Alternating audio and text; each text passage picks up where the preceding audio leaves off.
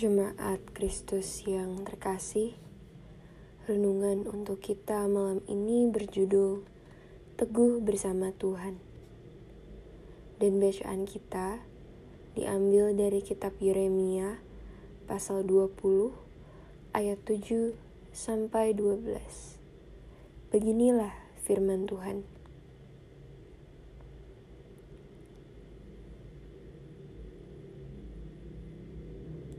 Engkau telah membujuk aku, ya Tuhan, dan aku telah membiarkan diriku dibujuk. Engkau terlalu kuat bagiku, dan engkau menundukkanku. Aku telah menjadi tertawaan sepanjang hari. Semuanya mereka mengolok-olokkan aku. Sebab setiap kali aku berbicara, terpaksa aku berteriak, terpaksa aku berseru, kelaliman aniaya, sebab firman Tuhan telah menjadi celah dan cemooh bagiku sepanjang hari. Tetapi apabila aku berpikir, aku tidak mau mengingat dia dan tidak mau mengucapkan firman lagi demi namanya. Maka dalam hatiku, ada sesuatu yang seperti api yang menyala-nyala, terkurung dalam tulang-tulangku. Aku berlelah-lelah untuk menahannya tetapi aku tidak sanggup. Aku telah mendengar bisikan banyak orang. Kegentaran datang dari segala jurusan. Adukanlah dia. Kita mau mengadukan dia. Semua orang sahabat karibku mengintai apakah aku tersandung jatuh. Barangkali ia membiarkan dirinya dibujuk, sehingga kita dapat mengalahkan dia dan dapat melakukan pembalasan kita terhadap Dia. Tetapi Tuhan menyertai aku, seperti pahlawan yang gagah. Sebab itu, orang-orang yang mengejar aku akan tersandung jatuh, dan mereka tidak dapat berbuat apa-apa.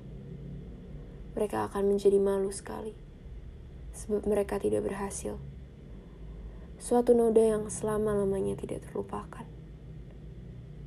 Ya Tuhan semesta alam, yang menguji orang benar, yang melihat batin dan hati. Biarlah aku melihat pembalasanmu terhadap mereka, sebab kepadamulah kuserahkan perkaraku. Bagi yang belum tahu, Yeremia diutus Allah untuk menegur dan menuntun bangsa Israel, bertobat dari kesalahan yang mereka perbuat. Tetapi pada prosesnya ternyata itu bukanlah tugas yang mudah. Sebab bangsa Israel menolak apa yang diwartakan oleh Yeremia, bahkan mengolok-ngoloknya dan menunggu Yeremia untuk tersandung jatuh, sehingga mereka dapat sekali lagi membuat Yeremia menyerah, menyatakan suara kenabiannya. Dengan situasi sulit tersebut, ternyata Yeremia tidak menyerah kepada keadaan. Ia tetap bangkit dan bertahan dalam kesesakan yang ia rasakan. Kekuatan itu ternyata berasal dari Allah sendiri kita dapat melihat Yeremia merasakan dorongan yang begitu kuat dalam dirinya untuk terus mengerjakan tugas kenabiannya. Dan pada akhirnya kita melihat bahwa Yeremia merasakan bahwa Tuhan tidak meninggalkan dia dalam kesulitan yang ia hadapi. Justru Tuhan menjadikannya kuat, bak pahlawan yang memenangkan pertempuran. Bisa jadi situasi yang dialami oleh Yeremia juga dapat mendatangi hidup kita. Saat kita berupaya tetap mengerjakan kebenaran tetapi lingkungan kita tidak mendukung.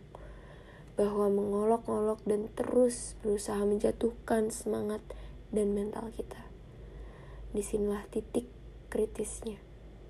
Apakah kita akan menyerah atau tetap bertahan? Sebab kita pasti menyadari bahwa Allah akan terus mengingatkan kita baik melalui orang-orang dekat kita ataupun melalui suara-suara yang timbul dalam hati dan pikiran kita. Keputusannya ada di dalam diri kita. Apakah tetap percaya akan pertolongannya atau menyerah kepada keadaan? Tapi yang pasti, ada berkat dan penyertaan Tuhan kepada orang-orang yang tetap bertahan.